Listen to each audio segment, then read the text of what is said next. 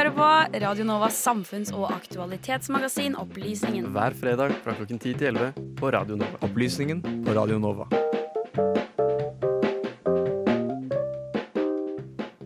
Ja, vi skal inn i vårt, eh, vårt første materie. Karpe, altså rapduoen Magdi og Chirag. De fikk nylig kritikk for ordbruk i eh, en rekke av deres eldre album. Kritikken går ut på bruk av homofobiske skjellsord. Eh, noe Karpe selv har beskrevet som veldig ubehagelig.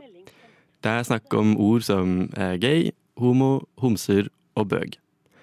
Hvor langt kan man egentlig strekke kreativ frihet og ytringsfrihet? Og er det nødvendig å gjøre slik leder av Skeiv Ungdom eh, insinuerer, og forandre teksten på disse gamle låtene? Det har et par andre store artister valgt å gjøre.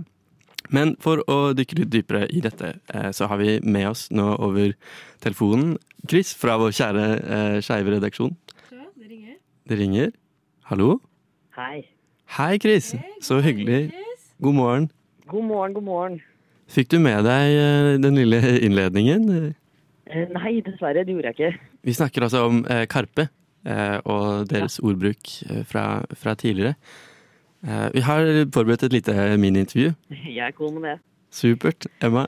Eh, ja, Chris. Eh, tenker du at eh, den kritikken som kommer opp mot eh, Karpe i saken, er eh, berettiget? Og, og hvordan påvirker det her egentlig skeive i samfunnet?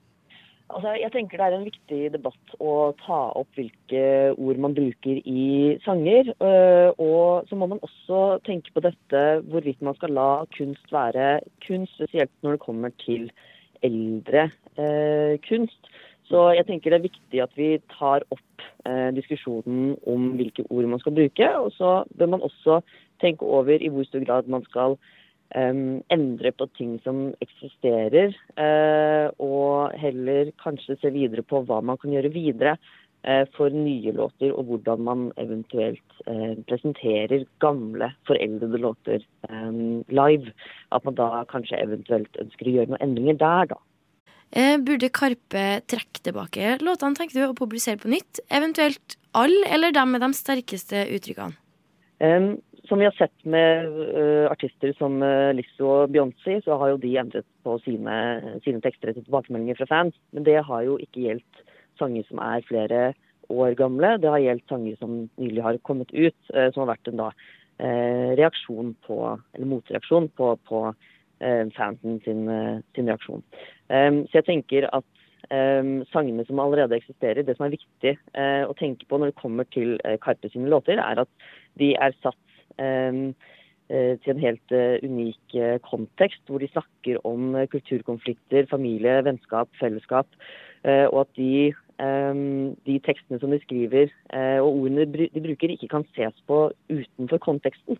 Så ja, det er ikke kult å skulle stå på en Karpe-konsert og synge med på skjellsord om seg selv eh, som en, eh, som en skeiv fan.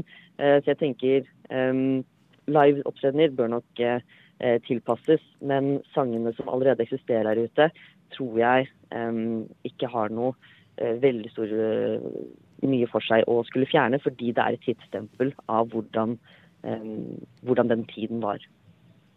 Ja. Tusen takk for at du tok anledningen til å ta en prat med oss, Chris. Det setter vi veldig stor pris på. Selvfølgelig. Supert. Kjempeflott å ha deg her i studio. Tusen takk til deg, Chris. Følg med etter eh, musikken. Skal vi ta et eh, enda dypere dykk i denne saken. Forhåpentligvis har vi med oss eh, Anine Kierulf på telefonen.